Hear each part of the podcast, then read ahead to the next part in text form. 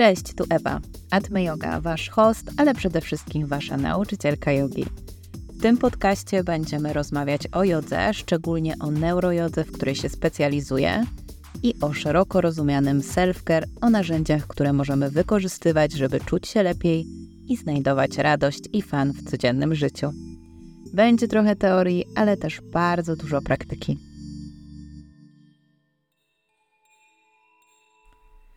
Ten odcinek to wstęp.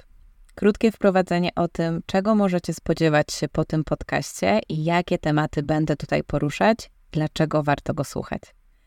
Słuchajcie, bardzo długo szukałam formy komunikacji, e, która pozwoli mi na bardziej swobodny kontakt z Wami. Bez ograniczonej ilości znaków, ale przede wszystkim bez tych głupkowatych tańców przed kamerą.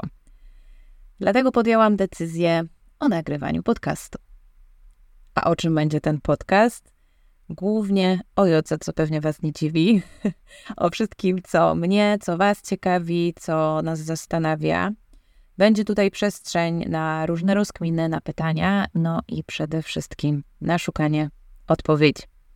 Będę opowiadać tutaj więcej o neurojodze, bo to jest taki temat, który mnie naprawdę najbardziej teraz jara. I chciałabym, żebyście dowiedzieli się, dlaczego warto wprowadzać elementy pracy z układem nerwowym do praktyki i żebyście mogli wykorzystywać to w praktyce ze zrozumieniem, z korzyścią dla siebie.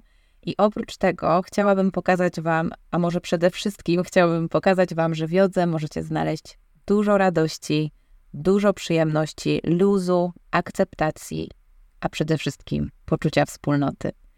Chcę Was po prostu zaprosić teraz do mojego świata jogi. Rozgośćcie się.